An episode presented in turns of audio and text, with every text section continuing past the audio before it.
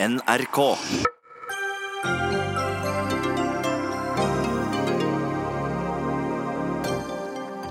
Facebook slettet Fremskrittspartiets Per-Willy Amundsens innlegg om den engelske ytre høyre-aktivisten Tommy Robinson. Dette handler ikke om sensur, sier Arne Jensen i Redaktørforeningen. Amundsen mener det er sensur. USA ønsker å få gode venner til å være med i en allianse for å patruljere Persiabukten og beskytte oljetankere. Bør Norge være en så god venn? Det er en historisk dag i Sudan. Etter måneder med protester, et militærkupp og en massakre, er militære og sivile enige om å dele makten. Det er lett å se hindre, men på en dag som denne ser vår utenriksreporter og Afrikakjenner Tom Christiansen først og fremst håp. Shetlands-Larsen og gjengen hans organiserte 200 overfarter over Nordsjøen til sikkerhet under krigen, og likevel vil ikke Posten hedre ham med et frimerke til 75-årsjubileet for freden. Og nå begynner kampen for eh, anonyme alkoholflasker, akkurat som for tobakk.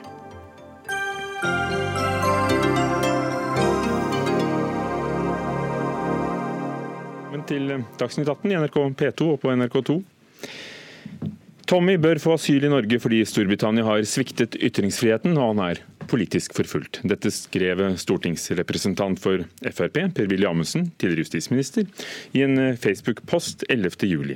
Fire dager senere var innlegget slettet av Facebook fordi det uttrykte støtte til den kontroversielle ytre høyre-aktivisten, islamkritikeren og også straffedømte Tommy Robinson. Og Robinson er kanskje mest kjent um, som grunnleggeren av English Defence League, og har egentlig et annet navn i det sivile. Per-Willy Amundsen, stortingsrepresentant. Um, du skrev allerede i innlegget at dette er garantert en status som Facebook vil eh, stoppe. Så du var klar over at det var i strid med retningslinjene, og, og likevel vil du skrive det. Hvorfor? Jeg var ikke klar over at det var i strid med retningslinjene, men jeg har oppfatta at veldig mange andre som har eh, ytra seg om Tommy Robinson, har blitt eh, sletta av Facebook. Har fått mange henvendelser på nettopp det. Det var delvis grunnen til at jeg skrev den statusen, nettopp for å utfordre Eh, det som jeg mener er problematisk, at Facebook driver med sensur av meninger de ikke liker. Man kan mene hva man vil om Tommy Robinson, det er ikke det som er saken. Det viktige er at man skal ha fri meningsutveksling også på plattformer som Facebook. Men Hvorfor valgte du akkurat ham for å statuere et eksempel? Nå ble han nylig da dømt i Old Bailey for ringeakt for retten, og han er også straffedømt flere ganger tidligere. Mm. I tillegg til at han da grunnla English Defence League, som er kan vi vel være enige om en ytre høyre-organisasjon ganske ekstrem? Ytringsfriheten er ikke noe vi har for å ta vare på selvfølgelige ytringer. Ytringer som eh, ikke skaper kontrovers. Vi har ytringsfriheten for å sikre de kontrære standpunktene, for å sikre eh, de som utfordrer håper å si, eliten, utfordrer eh, det som er mainstream. Mener du at han er kneblet i, i, i Storbritannia og burde få asyl i Norge? At han er en du ville ønsket å gi asyl? Bare for å få det på det rene. Det er satt litt på spissen, men la meg si det sånn. Jeg er ikke spesielt imponert over den behandlinga Tommy Robinson har blitt utsatt for i Storbritannia.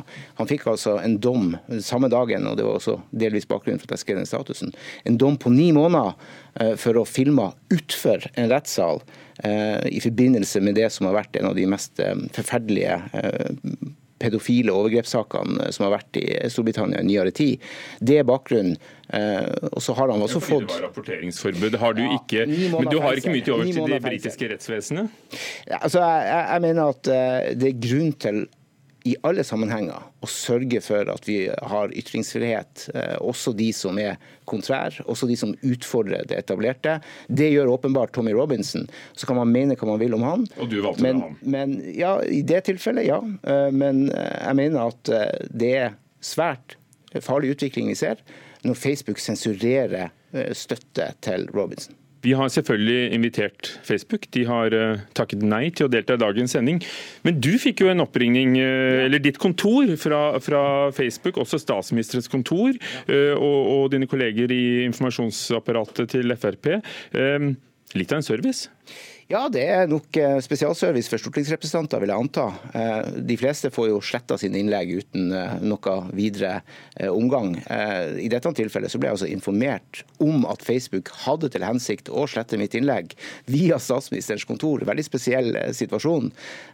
Det gikk da noen timer før de ringte meg og tok direkte kontakt per telefon, hvor de oppfordra meg til å slette statusen, noe jeg da eh, nekta for å gjøre under henvisning til ytringsfriheten, før de da sa at de kom til å gjøre det. Og det de kaller det sensur. De sier brudd på retningslinjer. Du har sagt sensur. Ja, det, Man kan jo skrive hvilke retningslinjer man ønsker, men dette er sensur av meningsinnhold. og Det er altså en farlig utvikling vi ser, hvor stadig flere på, særlig på høyresida, folk som ytrer eh, seg islamkritisk, folk som ytrer seg innvandringskritisk, på seriøs og skikkelig vis, blir sletta av Facebook. Det syns jeg er skremmende utvikling. Og Her var da retningslinjene ifølge Facebook at også støtte til mennesker som er svartlistet av Facebook, blir da fjernet. Arne Jensen, generalsekretær i eh, Redaktørforeningen. Ehm, ja, er det sensur, som du ser det? Nei, men la meg først si dette. Jeg har også skrevet støtteinnlegg for Tommy Robinson, og jeg er heller ikke i likhet med Per-Willy Amundsen imponert over hvordan han har blitt behandlet i det britiske rettssystemet. Jeg mener det er dypt problematisk at folk dømmes til ni måneder i fengsel for å filme på gaten utenfor en åpen rettssak. Eh, og jeg er enig i 95% av det som Per-Willy Amundsen sier. Eh, ytringsfriheten er til for de kontroversielle ytringene, for å beskytte de som ikke eh, tilhører de politisk korrekte, for de meningene som er ytterliggående, som de fleste av oss ikke liker, osv.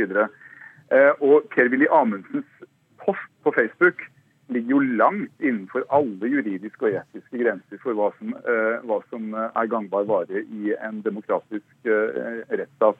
Men så er dette altså da et, et privat amerikansk selskap da, med sine retningslinjer? Ja, jeg kommer til det.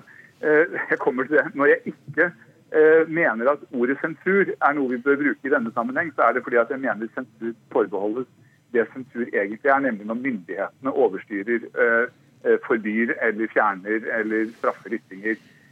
Facebook er et privat selskap. Eh, problemet med Facebook Og vi ville ikke diskutert dette hvis de var små. Mm. Hvis det var et lite sosialt nettverk som hadde fjernet en, en kommentar eller en post fra, fra, en politiker, så ville vi aldri sitte der og diskutert det. Problemet er at Facebook er todelt. Én, Facebook har blitt enormt store. De har en enorm eh, markedsmakt. Eh, og nesten alle eh, nordmenn har en Facebook-konto. Problem nummer to er at Facebook ikke vil innrømme at de er et redigerende medium, men de forsøker å fremstå som et teknologiselskap. Og Når de da skal favne hele verden og tilfredsstille alle ønsker om ikke å uh, fremme ubehagelige ytringer eller ubehagelige publiseringer, så ender de opp i, i, i det rene tull og tøys, som denne avpubliseringen av Amundsens innlegg etter mitt syn er. Amundsen, hvis du misliker retningslinjene som du mistenkte var der, du mistenkte at dette ville bli fjernet, eh, Hvorfor velger du deg Facebook som medium? Jeg legger til grunn det samme rasjonalet som eh, kommer her, nemlig at Facebook er ikke hvem som helst. Det er eh, den desidert største sosiale plattformen i Norge. Eh, teknologisk plattform som svært mange benytter seg av. For mange så er faktisk Facebook en primær kilde til å ta til seg nyheter, til å diskutere. Så de har en svært viktig rolle som aktør i Norge. Med det følger noe som kalles samfunnsansvar. Det handler om å ta vare på de frihetene vi har. og Fundamentalt blant dem så ligger ytringsfriheten, men eh, også andre forhold som Facebook eh, har ansvar for å ta vare på. Men nå er det akkurat denne praksisen vi snakker om nå. Arne Jensen, du er jo redaktør, og ofte har jo nettopp eh, dere redaktører forsvart nettopp de redigerte mediene. At det skal være en redaktør, og det skal være visse kriterier, og de har nå sine kriterier. Det er helt riktig, og jeg vil jo alltid stå opp og forsvare eh, den redigerte makt, så å si, eh, muligheten for det. Men problemet her er jo at Facebook ikke aksepterer eh, at de er det. Mm. Og, og, later som om de skal lage noen regler som, som på en måte skal være nøytrale eller uavhengige, mens de i realiteten siler og, og sorterer i bunken av meninger og meningsberettigede, og hvem som får lov til å være med, hvem som ikke får lov til å være det. Og Da mener jeg at i, i hvert fall i anstendighetens navn stiller opp og forklare på hvilke kriterier er det de egentlig da driver forretningen sin. Mm. For Det ville jo enhver redaktør etter mitt syn måtte gjøre, å forklare sine redaksjonelle valg. Mens nå har vi en debatt om Facebook sine kriterier, uten at Facebook er representert i det hele tatt. Ja, nei, Det kunne de jo, men det ville de altså ikke. Men eh, la, la meg et, et, øyeblikk, et øyeblikk Arne Jensen og, og, Per-Willy Amundsen. Ida Aalen, du er medieviter, fast partist i Dagens Næringsliv og har fulgt med på sosiale medier eh, fra det begynte, vil jeg våge å påstå.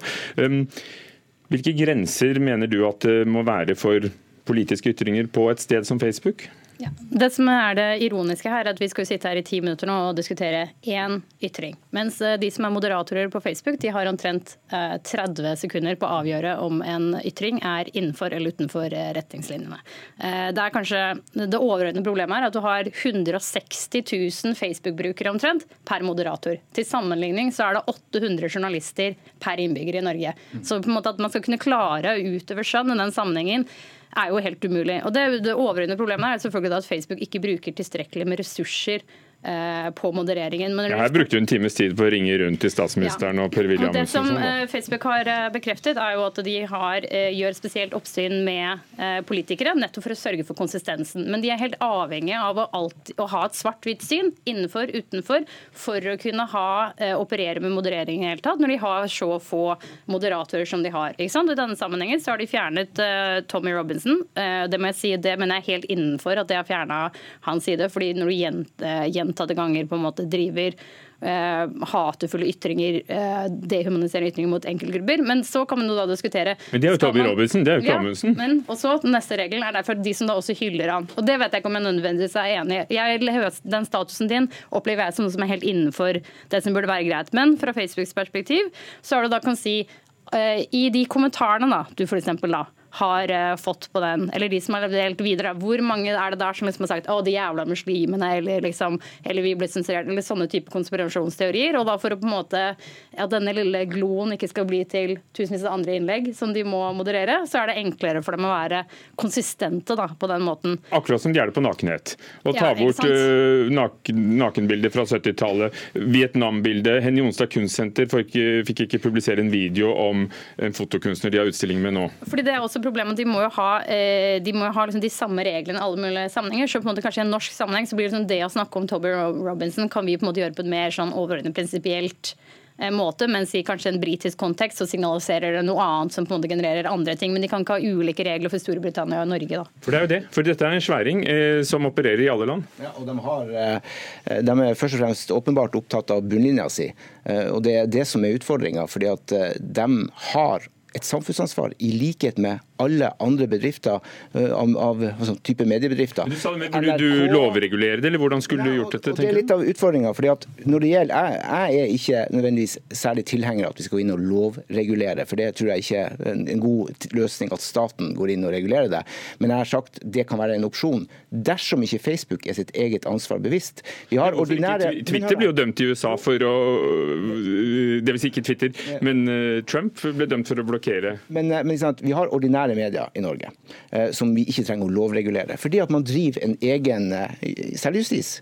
Man har en Vær varsom-plakat, man sikrer ytringsfriheten. Vi har et mangfold som sørger for konkurranse. Det mangler vi når det gjelder Facebook. Og Dersom ikke vi klarer at Facebook innser den viktige rollen de har, at de sørger for at ytringsfrihet skjer fyllest, også via deres eh, kanaler, ja, så må vi om nødvendig ta i bruk lovverket. Men det tror jeg ikke er noen god løsning i det hele tatt. Hva tror du, Arne Jensen? Nei, Jeg tror jo ikke på å ta i bruk, eh, lovverk, men jeg tror at kanskje eh, og Jeg vet ikke hvordan det skulle skje, men en, en tanke er i hvert fall at, eh, at man burde se, se, på muligheten for å etablere nasjonale eh, plattformer som eh, hver seg kan bli eh, arenaene for dem. Fordi Facebook er ikke et egnet sted på mange måter for den type diskusjoner. Eh, og så er jeg helt, eh, jeg er helt eh, enig med, med, med Per Willy Amundsen i at det er, det er problematisk når man går inn og regulerer politiske ytringer. Og jeg er ikke helt komfortabel med noe av det vi ser nå, i forhold til at myndigheter og de store medieselskapene møtes i, i en sånn konsensus, eller de møtes i samforståelse å regulere det man med vide eh, definisjoner kaller hatytringer. Arne Jensen, jeg tror jeg setter et punktum for deg der snart. Ida Ålen, eh, etablere nasjonale plattformer. Skal vi tilbake til Nettby fra Dagbladet, eller, eller hva heter det, Underskog? Ja, jeg må gripe fatt i flere ting her. For det første, på en måte, som Per-Willy sier her om på en måte, å, det etterlyser selvregulering fra Facebook, er jo en helt absurd etterlysning. fordi det du reagerer på, er jo nettopp selvreguleringen deres. Grunnen til at de har fjernet uh, denne eh, statsoppdateringen, er jo fordi de regulerer seg selv. Det er noe så. Og det andre som på en måte også er litt ironisk i på en måte din etterlysning av sterkere eventuelle reguleringer og lover, er jo at det er nettopp de tingene som eventuelt skulle gitt dem eh, eh, økonomiske insentiver til å bruke mer ressurser på det, er jo sånne hatpratlover som nå eh, har fantes i Tyskland i ett til to år, som nettopp kom til Frankrike, som diskuterer i Storbritannia, hvor de får store bøter hvis de på en måte f.eks. ting går utenfor ytringsfrihetens rammer, eller hva som er ulovlige ytringer i de landene. Så, og også enda mer ironisk at den som selv har etterlyst på en måte et slags sånn statlig regelverk for hva som er innenfor og utenfor, er jo Mark Zuckerberg selv, som har skrevet dette i en eh, innlegg i Washington Post, hvor han vil at staten skal fordi de vil jo ikke ha det ansvaret. ikke sant? Så det er jo det de håper på, at noen bare skal bestemme for dem. Så kan de si, Det er ikke vår skyld, det er loven, men nå må de selvregulere i mellomtiden, da, for at det ikke skal bli sånn halshugginger og barneporno over hele Facebook. Så må de jo selvregulere, og det gjør de jo. Men, men, vi har jo klare grenser, og den har vi i straffeloven, hva gjelder ytringsfrihet. Og Det er den man bør forholde seg til, i lik linje med alle andre medier i Norge.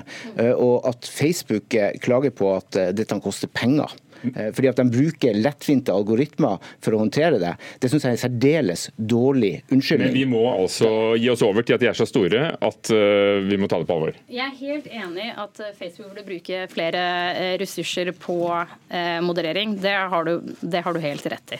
Det er det, det aller, aller, aller viktigste som bør gjøres, som jeg tror vi alle sammen er enige om at nå er det altså, én moderator per 160 000 Facebook-medlem. Det er en absurd at det på en måte ikke skal gå. Nå må man se hvor vanskelig det er for én moderator på tre personer. Takk skal dere ha, Per-Willy Amundsen, Ida Aalen og Arne Jensen, som er generalsekretær i Redaktørforeningen. Dagsnytt 18 alle hverdager kl 18.00 på NRK P2 og NRK2.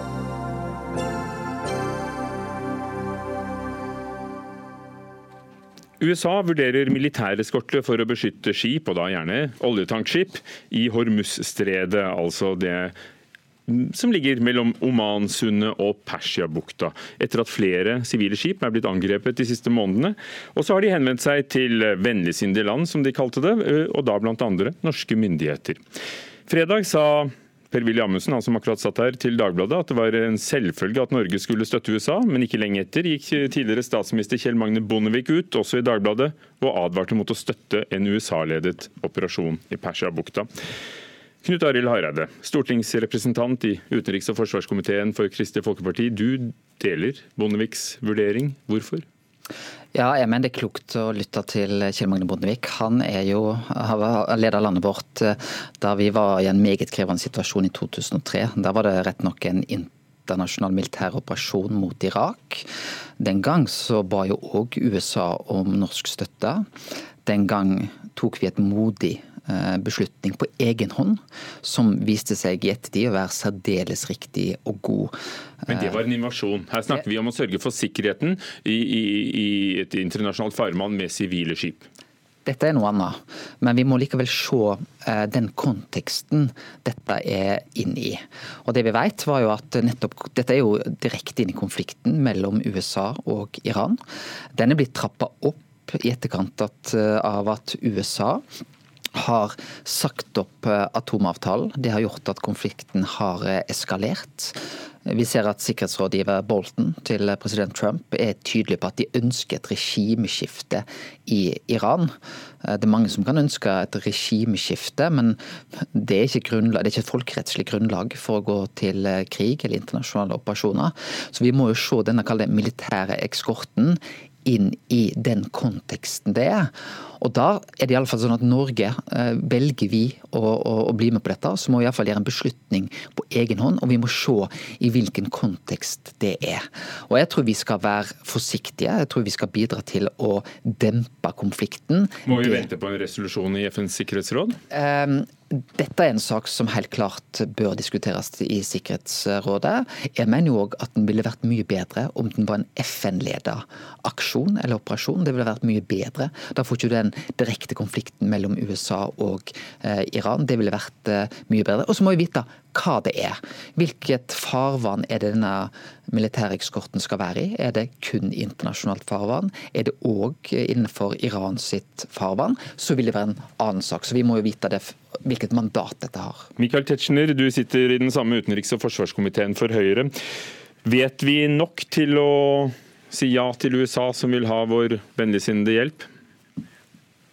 Vi vet i hvert fall ikke nok til at vi som enkeltrepresentanter av komiteen eller andre som tidligere har eh, sittet i regjering eller storting, eh, kan gi noen eh, anvisning på hva resultatet skal bli her. Og Da har vi en styringsordning, og det er nemlig at regjeringen har store fullmakter i henhold til vår forfatning når det gjelder utenriksspørsmål. Også fordi de har direkte tilgang til internasjonale analyser og etterretning. Sier du nå at vi burde bidra? Det som er et førende prinsipp, er at vi må uh, sikre de norske verdiene som uh, har vært angrepet ved to anledninger. Det er altså norske tanker under norsk flagg uh, som har vært utsatt for angrep. Og eh, Da må vi diskutere de tilgjengelige virkemidlene som er til for å trygge eh, norske interesser, eh, norske verdier og, og norske mannskaper. Disse tankene seiler vel hele tiden. Senest i forrige uke så var det et britisk skip som ble angrepet av den iranske revolusjonsgarden, men en britisk fregatt avskar dem, og det hele ble filmet av USA. Har vi tid til å diskutere særlig mye mer? Ja, altså Dette minner oss om at um, en uh, eventuell tilstedeværelse av en uh, fregatt uh, også kan være i seg selv konfliktdempende, fordi den vil hindre nye angrep. Så jeg mener at dette hører jo inn i det helhetsbildet som regjeringen må avklare. Jeg forutsetter at regjeringen kommer frem til én samlet holdning, og at vi som da sitter i Stortinget og er så heldige å kunne delta i utenriks- og forsvarskomiteen, at vi da også blir eh, konsultert i henhold til de reglene man har for samspillet mellom storting og regjering. Vil det være konfliktdempende eller, eller skjerpende hvis vi sendte La oss inn fregatt hvis vi, hvis vi har noen å sende? Da? Det er det vi må vurdere. og det er jo i hvilken kontekst som jeg sier, dette må bli sett inn i. og Det er jo hvordan Iran vil oppleve dette. og Der tror jeg nettopp mandatet på dette er helt eh, avgjørende.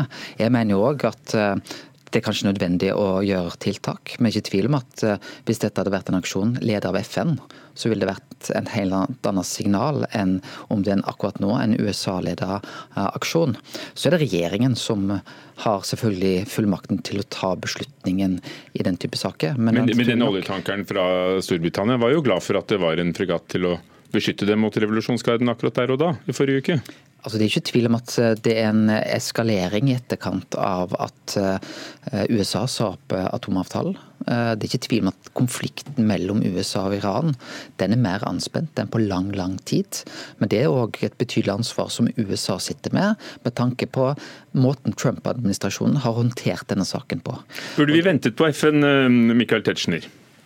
Ja, altså, jeg må si jeg stusser litt over at det uh, liksom er USA som skal ha skylden for at uh, norske skip er, er, angrepet. Det er altså da i seg selv begått et uh, brudd på internasjonal havrett ved at man angriper helt fredelige sivile fartøyer. Og Da er det også innenfor uh, folkeretten og havretten å gjøre de tiltakene som da Storbritannia har gjort. Så vi behøver ikke vente på FN, er det det du sier? Nei, altså FN eller ikke. Det som er viktig, er at Norge bidrar innenfor rammen av havretten og folkeretten.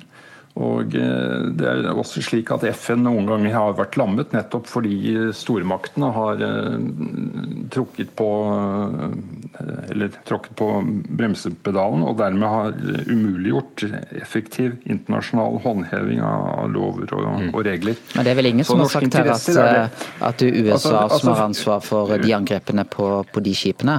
Det vi påpeker nå er hvordan kan vi få dempa denne konflikten istedenfor at den eskalerer.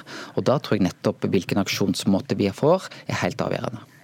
Kristian Berg Harpviken, vi har med deg også. Du er forsker ved Fredsforskningsinstituttet med spesielt øye på, på, dette området her. Hva vil du si?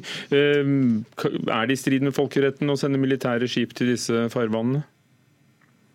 Nei, det er åpenbart ikke. Og, og problemet her er jo at uh, alt som er sagt så langt, er det lett å være enig i. Men det peker også på dilemmaet. fordi at uh, man går inn i en kontekst der dette er en operasjon som leses ikke bare av Iran, men av de aller fleste andre land i verden, som en direkte eskalering av konflikten mellom eh, USA og Iran.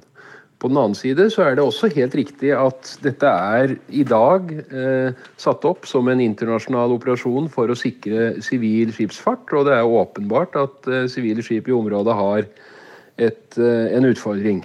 Så kan man si, hvis man vil være kritisk, at her har eh, Washington gjort eh, godt håndverk. Man har gitt de allierte et tilbud som de vanskelig kan avslå, for å sitte som norsk politiker og si at man ikke vil beskytte norske skip.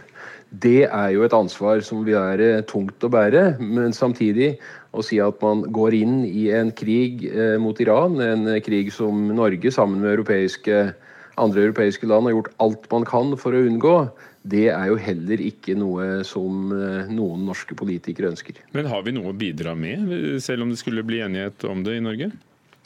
Ja, her ligger jo, her ligger jo eh, djevelen begravet i detaljene. For forutsetningen her er jo at USA tilbyr ledelse og etterretning, men at de enkelte land som har skip i området selv må komme med sine militære ressurser. og Da er det antagelig en fregatt som vil være aktuell fra norsk side for å kunne eskortere norske skip. Der er vi som kjent en i minus allerede?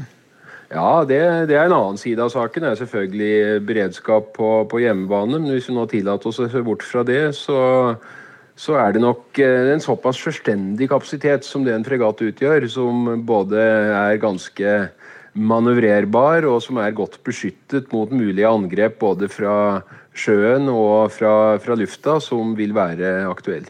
Eh, Tetzschner eh, virket som mente at kunne være, det kunne være konfliktdempende å, ha f.eks. en fregatt der, akkurat som britene nå har hatt, og, og det har vært amerikansk nærvær. Kan det også det? Ja, En fregatt er jo avskrekkende, og avskrekking virker dempende inntil den ikke virker dempende lenger. og Det er jo problemet med all form for avskrekning, at hvis avskrekkingen først, slutter å virke, så er man i en situasjon der det, der det virkelig, virkelig, smeller. Så deri ligger jo dilemmaet, og deri ligger eskaleringsdynamikken. og Eskaleringen her ligger jo også i nettopp at et eh, land som Norge Vi skal jo huske at den norske statsministeren møtte nærmest i protest mot eh, eh, amerikanske uttrekningen av atomavtalen med sin iranske kollega for bare ni måneder siden. Et land som Norge tvinges nå eh, på mange måter til å, å ta side sammen med sine europeiske allierte. Takk skal du ha, Kristian Berg Harviken. Sånn veldig kort. Knut Arild Hareide først, og så deg, Michael Tetzschner. Når tror dere at vi i Norge får diskutert oss frem til et svar til USA? Ja, dette, Vi må ha, i fall ha full informasjon i denne saken. og Det understreker jo Hartviken. Mitt og Bondeviks poeng er veldig enkelt. Norge må ta en selvstendig beslutning. Selv om USA ber oss om å være så er det ikke en selvfølge at vi skal være med. Vi må vite hva vi gjør, og vi må se helheten av saken. Og Tetzschner, når kan dere få sett den helheten, tror du? Nei, Den nøyaktige uh, fremdriften for uh, å besvare disse henvendelsene, det er det rimelig å rette til regjeringen, som sitter med den uh, konkrete saken og bearbeider den. På bakgrunn av den analysen og de etterretningene som naturlig tilstilles en regjering. Det er jeg enig med Hareide i dette er en beslutning som Norge skal ta, ut fra hva som er eh, formålseffektivt når det gjelder å beskytte sivile norske skip som har vært utsatt for angrep. Takk skal dere ha, alle sammen.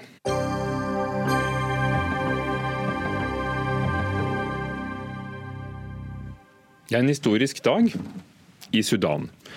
Langsomt begynte protesten i desember i fjor utenfor selveste Løvens hule militæres hovedkvarter. Så ble det militærkupp. Mannen som selv kom til makten ved et kupp, president al-Bashir, ble tvunget ut. Men de militære ble sittende, de ga ikke stafettpinnen videre. Men nå har de militære og de sivile underskrevet det de har forhandlet om i mange dager nå. De skal dele makten. Tom Christiansen, utenriksreporter. Du har fulgt med i Sudan som Afrikakorrespondent og, og som, eh, som journalist. Hva inneholder denne avtalen? Den inneholder et, eh, en slags regjering med flertall av sivile.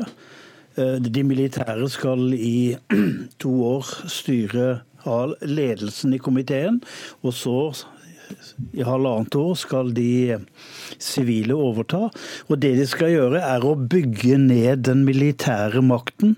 Eh, de militære skal ut av den offentlige administrasjonen, og så skal de militære holde seg i barakkene og ikke på regjeringskontorene. Det skal ta tre år. og de som holder på med dette, de som gjør dette, de er jo hentet inn fra gaten. De, de satte seg foran, på den farligste adressen i Khartoum, foran eh, militærhovedkvarteret, eh, og demonstrerte. Etter hvert oppdaget de at soldatene i hæren støttet dem, voktet dem, passet på dem. Og så ble de tatt med innenfor, inn i forhandlingene. Og det er det som nå i dag har lykkes. Og det er en helt utrolig dag at militære, at generaler og sivile nå sitter sammen og skal styre landet sammen til det skal bli et sivilt land. Det er jo nok av nok av hindre man kan peke på også. Øverst i militærledelsen sitter han som kalles Hemetti, en militær eh, militsleder med seks års eh, skolegang, eh, som da anklages for å ha beordret massakren 3.6. Sittet i toppledelsen som skal ha beordret denne massakren. Minst 100 drept. Tror du at han vil kunne stilles til ansvar? Det kan godt være, for det har ledelsen av militærrådet sagt at han skal. Men jeg vet ikke hvor avgjørende det er. Det man skal huske i Sudan, er at der har du en hær, og så har du mange generaler som har hver sine små militser som de har kontroll over. Og i Sudan har man ofte brukt militser når man skal gjøre noe som eh, ikke passer seg for en seriøs hær. Og hva skal skje med dem? Men Protestantene har jo ropt etter en uavhengig etterforskning av det som skjedde 3. Det har de gjort, og det har de fått løfte fra militærrådet om at skal skje. Så får vi se hvordan det går. Men det er ikke det avgjørende for om denne demokratiske prosessen går på skinner eller ei. For her er det mange militære grupperinger som nå føler at deres tid kan være over. Nå er det mange som regner med at de kan bli skjøvet ut i mørket. Det kan bli kamper mellom militære grupper og avdelinger. Og det som nå samler da Sudan, det er jo en bevegelse som har vokst opp på et fortau utenfor militærhovedkvarteret. Ja, hva og, og, og hvem er de? Det er folk med doktorgrader, mastergrader. Det er 60% kvinner. De er velutdannet, men har ikke noe jobb å gå til. Og så er det én dame mange har sett bilder av. Så er det dronningen. Kledd som en nubisk dronning. altså Nubia var jo i oldtidens Egypt og Sudan i store, hvite gevanter, enorm ørepynt. Det er så gammelt at det står til og med omtalt i Bibelen. Men hun er altså Aleh Salah, som vi har sett på TV, noen av oss i dronningkostyme fra 2000 år siden, og med altså en kraft der hun står og leder.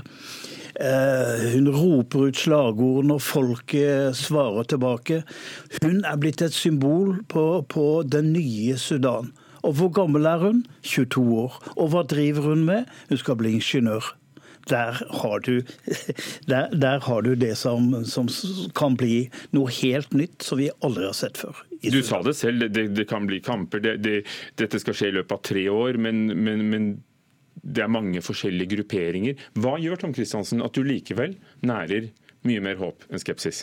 Fordi jeg har sett at når du utløser de kreftene som driver folk i en demokratisk retning, så skjer det mirakler særlig i Afrika.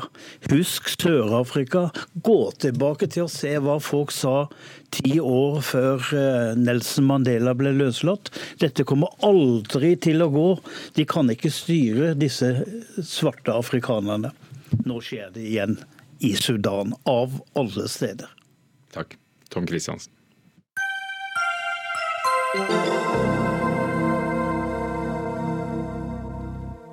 Shetlands-Larsen ble han kalt, Leif Andreas Larsen, som hadde kommandoen over 52 tokt over Nordsjøen. Hele gjengen hans sto for 200 berginger av folk i sikkerhet. Her er han selv.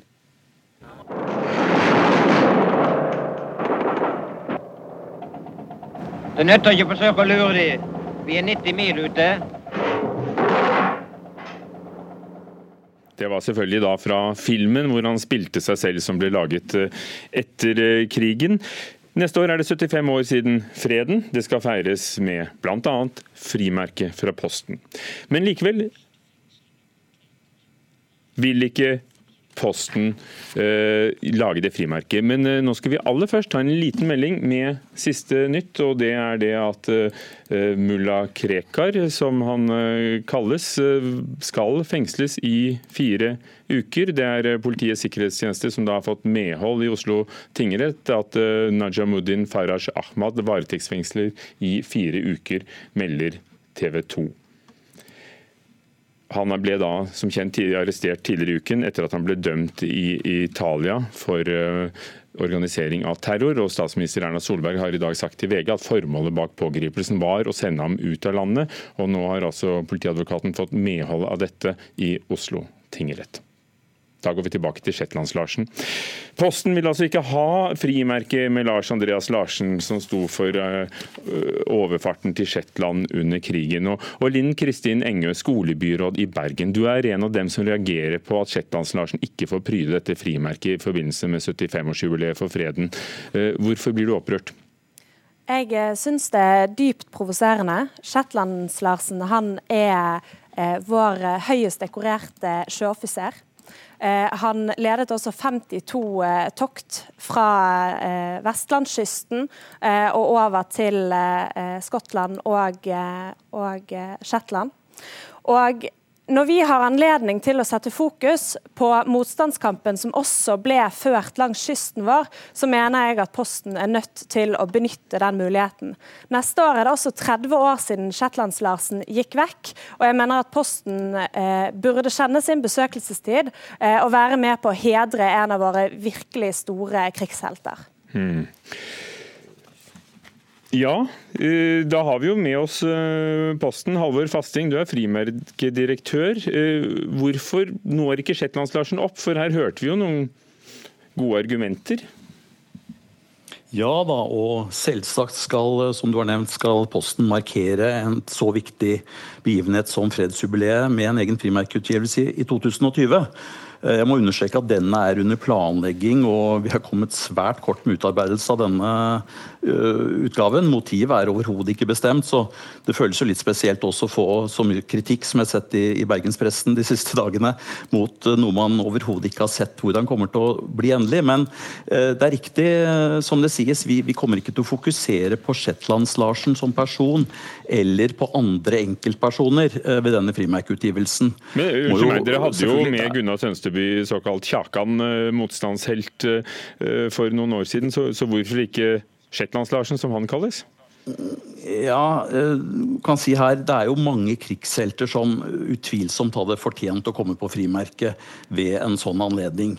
I et trangt frimerkeprogram så er det rett og slett ikke plass til å markere alle disse. og Jeg, jeg føler også at samtidig det er veldig vanskelig og nesten umulig å, å plukke ut og vurdere enkeltpersoners krigsinnsats opp mot hverandre i en, i en sånn forbindelse. Så denne frimerkeutgivelsen kommer vi til å prøve å la favne noe videre, og, og markere fredsjubileet i, en, i en bred, et bredere perspektiv, med, uten fokus på enkeltpersoners innsats. Men det betyr jo ikke at eh, temaet, eh, eksempelvis nordsjøfarten, ikke kommer til å bli eh, komme på frimerke, men, eller bli frimerkemotiv. Men, men, men selve personen Shetlands-Larsen, at det er han alene som skal eh, markere dette 75-årsjubileet for freden, det kommer vi ikke til å gjøre. Vi, men, men det er altså bare sagt, ett frimerke, er det sånn? Til 75-årsjubileet for fred? Et, eh, antagelig ett til to. Vi er som sagt under planlegging her, så det er okay. litt uh, Linn Kristin Engø, har du forståelse for dette? Uh, argumentene biter tydeligvis ikke på når vi leser Bergensavisen og andre deler av bergenspressen? Nei, jeg eh, syns eh, rett og slett det er ganske dårlige argumenter. Eh, det er en, en tendens til en voldsom Oslo-dominans på frimerken vi har allerede. I år pryder både Oslo kommune som miljøhovedstad, Oslo Børs, to kunstnere, Solberg og Vigeland, som jo har hatt mye av sitt virke på Østlandet. I tillegg til Olsenbanden, som frimerkedirektøren sjøl kaller et lite stykke Oslo-historie. Og Og så unner jeg alle, alle, disse aktørene frimerker. Men når vi skal markere at det er 75 år siden freden, så hadde det vært fint om Posten valgte å fremheve noe vi er for dårlige på å fremheve i Norge. Eh, og det er nettopp den enorme innsatsen Shetlandsgjengen med Shetlands-Larsen i spissen gjorde for vår frihet, for det demokratiet vi kjenner i dag, og for det Norge er i dag. Fasting. Ja, det er ikke vanskelig å, høre, å, forstå de argumentene. Men som jeg sa i stad, det er mange krigshelter. Det er mange andre som vi ikke har vært inne på i diskusjonen her nå, enn Shetlands-Larsen. Og begynne å plukke ut de og sette den ene opp mot den andre. Da tror jeg det blir bedre av oss å komme med en utgivelse som eh, som sagt setter dette fredsjubileet i et bredere perspektiv. Men har Yngve poeng i at det er mange østlandsmotiver der? Ja, da, du skal få lov. Jeg hadde bare lyst til å skyte inn det med, med om det er en, en dominans av kunstnere, helter og motiver eh, som handler om Østlandet?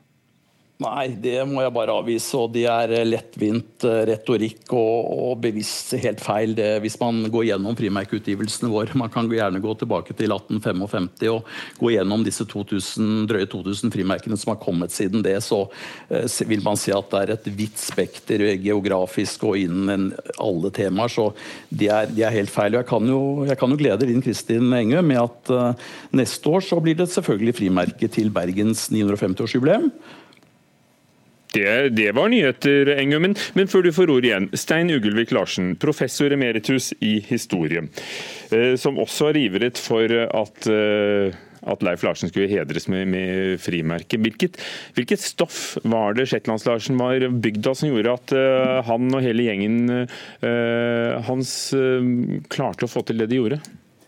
Ja, I minnesmerkekomiteen i Fyllingsdalen har vi to ganger søkt Posten om å få et frimerke eller to av Shetlandslasen og Nordsjøfarten i en serie. Hver gang har det kommet avslag uten begrunnelse. Og vi synes det var litt... Nå fikk du en begrunnelse, da. Vel, hvis du skal snakke om begrunnelsen, så er jo den veldig hul og rar. Fordi at uh, det å fremheve den mest kjente norske sjøoffiser på et frimerke er jo en veldig fin måte å kunne la krigshistorien ved 75-årsjubileet få en dominerende plass. Og når man henviser til at man har hatt Sønsteby fått plass på frimerket, så er det nok for at alle sammen skal føle seg betrygget under den paraplyen. Dette er helt uenig i. Larsen, hva, for å komme tilbake til spørsmålet siden vi har deg som historiker. Hva var det de gjorde ham som gjorde ham historisk, og, og ble han litt glemt? Altså Den britiske marinen måtte, måtte, presse det norske sjøforsvaret til å gjøre ham til fenrik for at de kunne dekorere ham, og, og mange mente han skulle bli admiral. Det, det ble han aldri. Altså, Leif Andreas Larsen, Shetlands-Larsen, var en veldig beskjeden kar. Og han frykta aldri å fremheve seg sjøl. Det fikk jeg oppleve personlig mange ganger. Og jeg har ofte undra meg over hvorfor da han ikke skulle få denne høye utmerkelsen som det var snakk om. Hvorfor skulle lederen av Oslo-gjengen fremstå som noe mer verdifull i krigssammenheng enn den beskjedne, men utrolig tapre Shetlandshalsen. Men han fikk jo krigs, krigskorset med to sverd og, og, den høyeste mulige utmerkelsen fra den britiske marinen. Kan et frimerke være det viktigste? La meg si det slik. Frimerkene er våre nasjonale symbol som rekker langt utover våre landegrenser. Ingen i utlandet nesten vet hvem Sønsteby var, nummer 24. Men veldig mange forbinder noe med Shetlands-Larsen. Og det er til og med kommet et Shetlands-Larsens bilde på en shetlandsk pengeseddel som viser at han hadde en stor eh, beundrerskare utenom vårt land. Og Det gjør at et frimerke med Shetlands-Larsen og Nordsjøfarten vil få en viss internasjonal betydning, og som rekker langt ut av det som Sønsteby f.eks. kunne oppnå. Og Da er ikke det for å si noe galt om, om Sønsteby for seg. Halvor Fasting betyr at man må vente med et 100-årsjubileum for, for, fødsel eller noe slikt da, for, eh, for ja, uh, Shetlands-Larsen? Ja, Når det gjelder personjubileer, så er jo det vanlig at vi eh, markerer det ved 100 år, 150 osv. Og, og det var i den forbindelsen Gunnar Sønsteby eh, kom på frimerket i 2018, eh, 100 sitt 100-årsjubileum for fødsel. Grunnen til at vi valgte Sønsteby her, og ikke har valgt noen av alle de andre krigsheltene For det er jo klart, vi er jo nå i en periode med 100-årsjubileum for, for, både den ene og den andre. Var jo nettopp den, den situasjonen at Sønsteby er den høyest dekorerte norske borgeren overhodet. Er det betryggende å høre at, at frimerket fortsatt er ansett som så viktig? Ja, det syns jeg er veldig hyggelig å høre. Og jeg gleder meg rundt engasjement rundt frimerker, og at man er opptatt av hva som kommer på frimerker, og hvordan motivene skal være. Så det er en stor glede. Linn Kristin Engø, byråd i Bergen. Ja, har du gitt opp kampen etter å ha hørt dette? Nei, Jeg håper at eh, frimerkedirektøren eh, eh, tenker seg om Eh, og han er hjertelig velkommen eh, til Bergen og, og utenfor for å besøke Nordsjøfartsmuseet og Telavåg for å se medaljene, eh, medaljene Shetlands-Larsen har fått.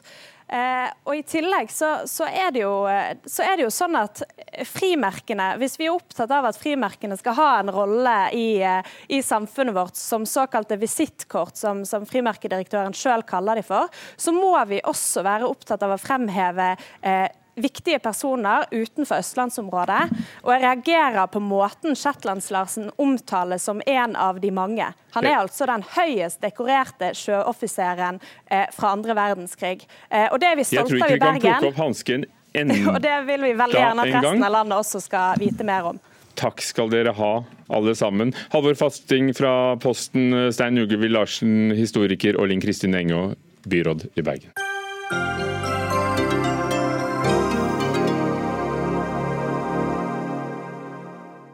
De står der med fristende etiketter og gjerne fargerike kapsler og ting som drar øynene våre bort til hyllen, enten det er i ølhyllene på butikken eller i Vinmonopolet. Alkoholflasker, enten det er øl eller sprit eller bare vin. Derfor er det på tide at politikerne følger eksempelet fra praksisen med tobakk at den blir nøytral og ensfarget, og ikke har sånne plakater som disse etikettene blir. Ja, Det mener generalsekretæren i Edru livsstil i en kronikk i Bergens Tidende. Marit Barne, du er generalsekretær i Edru livsstil, det vi tidligere kjente som Det norske totalavholdsselskap.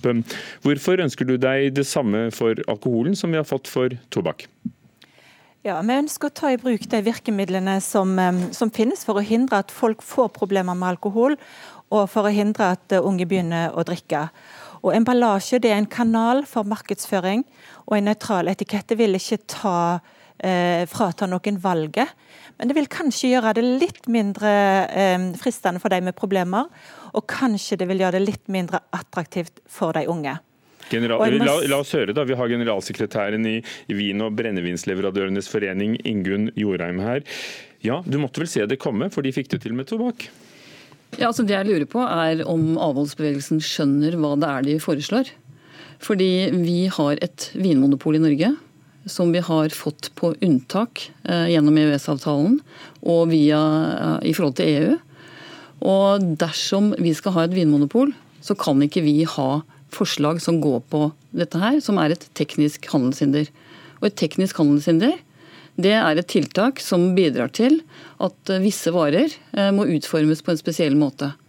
Og Hvis vi får det eh, i Norge, så faller vinmonopolordningen. Og jeg trodde at både vi og avholdsbevegelsen var varme forsvarere av Vinmonopolet, som er verdens beste vin- og brennevinsutsalg. Både alkoholpolitisk, men også når det gjelder mangfold, kvalitet, alle disse tingene her. Ja, for Det er du opptatt av, at det sikrer titusener av produkter til den minste avkrok av landet? Jeg er opptatt av det, og jeg er opptatt av at det skal selges på en ordentlig måte. Nå har vi ikke Øl- og Bryggeriforeningen her, men, men eh, forslaget ditt eh, Marit Barne, og deres handler jo også om, eh, om øl. Men, men, men dette med handelshindre ser du at vi har faktisk da et, et unntak fra EØS, begrunnet helsepolitisk, og, og det kan stå på spill? Ja, og jeg skjønner egentlig at, eh, at noen kan bli provosert av et sånt forslag som vi legger fram nå. Og særlig, særlig tenker jeg at eh, Ingunn Jorheim hun er jo talsperson for industrien og tenker profitt og tenker på at de skal selge mest mulig. Vårt innslag handler om folkehelse, og det er det viktigste standpunktet for oss. Da må jeg bare få lov å si at eh, jeg er selvfølgelig opptatt av å jobbe for våre medlemmer. Men vi er de, varme, de varmeste forsvarerne av Vinmonopolet, fordi vi ser at det er en veldig god ordning. Og det at dere kommer med et sånt forslag som kan bidra til at Vinmonopolet faller, det syns jeg er oppsiktsvekkende. Og det er derfor jeg lurer på om dere helt tatt skjønner hva det er dere foreslår. Men Vil det nødvendigvis bidra til at Vinmonopolet faller? For det er jo kommet helseadvarsler på alkoholflasker i andre land, det er vedtatt også i Norge, men ikke kommet ennå? De har ikke vinmonopol. Vi har et vinmonopol som er et unntak. Da må vi sørge for at vi ikke har tekniske handelshindre. og Det er det viktigste. Man kan mene hva man vil i forhold til eh, om dette er et bra eller dårlig forslag, men juridisk sett så må vi ikke tulle det til og ødelegge denne utrolig bra ordningen som vi har for å selge alkohol i Norge. Og her trodde jeg vi var enige.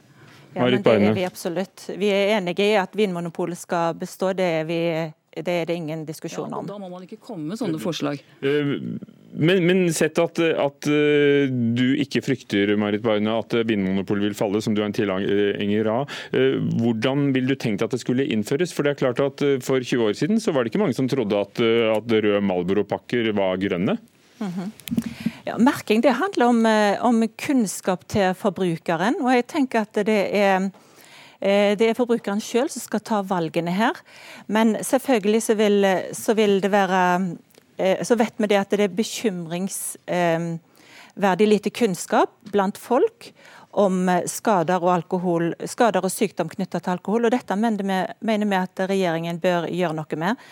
Eksempelvis viser tall eh, fra, helse, fra, mm, Folkehelseinstituttet at eh, 15 av gravide drikke alkohol under svangerskapet. Men, men betyr... samtidig så viser tall fra Verdens helseorganisasjon at vi, vi er blant Europas laveste i alkoholkonsum. altså øh, Drikker halvparten av gjennomsnittet i, i EU og med dagens ordninger.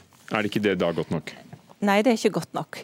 Og Norge har et lavt konsum sammenlignet med, med andre land, men de siste 20 årene så har vi hatt en stor, en stor økning. Nordmenn har lagt seg kontinentale vaner med to til tre, ett til to-tre glass eh, til middagen, i tillegg til at vi beholder den tradisjonelle helgefylla. Og eh, Det er en veldig uheldig, uheldig, kombinasjon.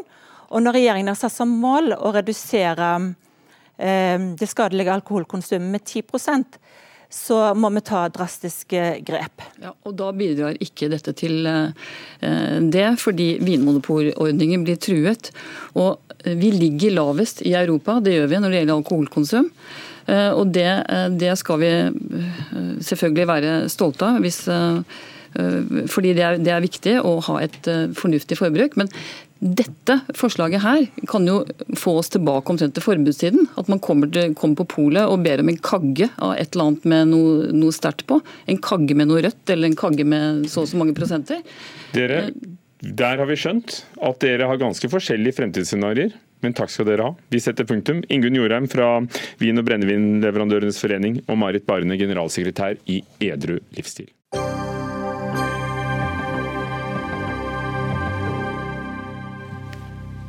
16- og 17-åringer, ja faktisk da også noen ganger 15-åringer, kunne stemme ved noen få utvalgte kommuner ved de siste to kommunevalgene. Men nå er dette forsøksprosjektet slutt. Men SV tar opp saken igjen med stemmerett for unge. Eh, ja, ikke bare i kommunevalg, men også i stortingsvalg. Men eh, det som er mest realistisk nå, er vel kommunevalg. Karin Andersen, eh, du sitter på Stortinget for SV. Det er jo ikke hvilken som helst dag du velger å ta denne debatten. Nei, I dag er det 100 år siden alle voksne i Norge fikk stemmerett. Og stemmeretten har jo utvikla seg, og det har jo alltid vært begrunnelser for at de som ikke har det Eh, ikke skulle ha det. ikke sant? At Fordi man... De som gikk på fattigkassa, fikk ikke stemme? Nei, før fikk ikke de. Så når vi har snakka om allmenn stemmerett, så var det jo først i 1919, eh, 17. Eh, juli, at det kom. Og det satt langt inne da. Men hvorfor skal 16-åringer få stemme når de ikke selv kan bli valgt inn? Nei, jeg, synes, jeg vil heller snu det på huet og spørre hvorfor skal de ikke? Fordi stemmerett er en menneskerettighet, og da må vi ha veldig gode begrunnelser for å begrense stemmeretten. Og jeg klarer ikke å se at det er noe i dag som gjør at eh, det skulle skje noe galt om 16-åringer får stemmerett. Hva er det gode som skjer, da? Det er at flere blir eh, engasjert i demokratiet og deltar i demokratiske prosesser. Og det sier jo alle er Eh, ønskelig og en stor fordel at flest mulig deltar i valg og deltar i demokratiet. Og det, Der er det gjort forsøk, og forsøkene viser jo at eh, de deltok. At de tok 58 Ja, de gjorde det. Og det er jo ikke sånn at man har noen opptaksprøve for andre som skal stemme, om de verken stemmer klokt eller at de gjør det på bak bakgrunn av eh, noen veldig modenhet eller den type ting. Så, så her mener jeg dette forsøket bør tale for at man eh, utvider dette nå. Det virker kanskje paradoksalt Lasse Fredheim, som den yngste i forsamlingen her. Du sitter i sentralstyret til Unge Høyre, at dere er imot ja, Vi er imot eh, at 16-åringer skal ha stemmerett, og det samme er jo 16-åringene sjøl. 17-åringene, 18-åringene, majoriteten av befolkningen er faktisk mot en stemmerett for 16-åringer. Hvor har du det fra? Fordi 58% i de 20 kommunene hvor de fikk lov til å prøve ja, det, seg, likte de jo. Det er kun i kommunene hvor de har hatt forsøk at det er flertall for at 16-åringer skal ha stemmerett. Og I Norge så har vi en myndighetsalder på 18 år. Når du fyller 18 år, så får du lov til å kjøre bil, du får lov til å drikke alkohol, og du får lov til å stemme ved valg. Og Jeg syns det gir veldig lite mening dersom du skal få lov til å bestemme bestemme hvem som skal styre kommunen, fylket eller landet for den sakens skyld, men ikke få lov til å bestemme over seg sjøl. Jeg syns Karin Andersen trekker frem noen gode argumenter for å ha stemmerett for 16-åringer, men akkurat de samme argumentene kan du bruke for stemmerett til 14-åringer, 12-åringer, 10-åringer eller 5-åringer. Et sted så må vi trekke grenser i Norge, og jeg mener at det bør være sånn at stemmerettsalderen er den samme som når du er ansett som voksen, altså når du har blitt myndig. Men det er noe, altså det er, det er et argument, men det er ikke noe godt argument. I veldig mange år har det ikke vært sånn i Norge. Det er bare de siste åra det har vært sånn. Sånn er det ikke i alle, i alle land. Og det å, eh, At flere deltar i valg og deltar i demokratiet, mener vi og SV er et mye viktigere argument. Og det viser jo, der de har hatt dette forsøket, så er også folk mer positive og ser at dette førte med seg positive og bra ting. Men du La oss høre, ja. da. Jo Sagli, du er forsker ved Institutt for samfunnsforskning og var med i den gruppen som utredet og evaluerte dette forslaget. Ja, hva hva viste det seg? Ja, Som det allerede er blitt sagt her, så var jo valgdeltakelsen ganske høy. Eh, ikke bare for 16- og 17-åringer, men vi ser også at 18-åringer eh, stemmer ganske mye. Eh, men de, de får jo lov til å stemme uansett? Ja, men det, det, har noe å gjøre med hvilken livsfase du er i. At du bor hjemme og går på skole og lettere å mobilisere. Det som kanskje var den tydeligste effekten, var at det ble valgt inn flere unge kommunestyrerepresentanter. Det ville vært noe, Lasse Fredheim? Ja, og det, det, var den ene positive tingen de fant fram, var at unge ble valgt uh, mer inn i kommunestyrene. Men de så jo òg at uh, når de analyserte 2011, 2013 og 2015, at det ikke har bidratt til noe større valgdeltakelse blant de som er mellom 18 og 29 år. Der er valgdeltakelsen veldig lav fremdeles. Vet, på 40, har dere fulgt det lenge nok? Og den er på 57 for de som er rundt 16. Altså det, det, var jo store håp om at dette skulle føre til eh, altså, eh, større deltakelse på lengre sikt og større politisk interesse og engasjement, og det fant vi vel ikke så mye av. Um, det, men det er klart, som, som jeg har sagt her, at de men fastslå én ting, fordi uh, Karin Andersen, Dere er jo ikke alene i SV om å ønske dette. altså Arbeiderpartiet vil gjerne utforske det mer. Uh, Venstre er for. Mm. Miljøpartiet De Grønne. Mm. Er det noen partier eh, Josardi, som har noe å tjene på at 16-åringen eh, får stemme? Når vi ser på uh, siste stortingsvalg, så ligger jo både SV og Venstre og MDG litt bedre an blant de unge, mens Høyre og Arbeiderpartiet og Frp litt dårligere an. Men det er jo ikke de dramatiske forskjellene. Og, um, Stemmer de som resten i kommunene sine? Ja, stort sett. Det er uh, Samtidig som uh, det er jo ikke så veldig mange i forhold til resten av befolkningen. altså De store utslagene blir det ikke i noe fall. Men Karin Andersen, ett sted må grensen gå? Ja, det må det. Og 16 år kan være et veldig fint sted å ha grensen. Vi ser at da er veldig mange unge engasjert i organisasjoner. De deltar i demokratiske organisasjoner. Nå sist har vi jo sett alle ungdommer som streiker for klima. Og det mener jeg kanskje er et eget argument for at unge bør få stemme. Altså De valgene som skal gjøres framover, de vil påvirke deres framtid. Og vi må gi dem en tydeligere påvirkning på de valgene som skal tas framover.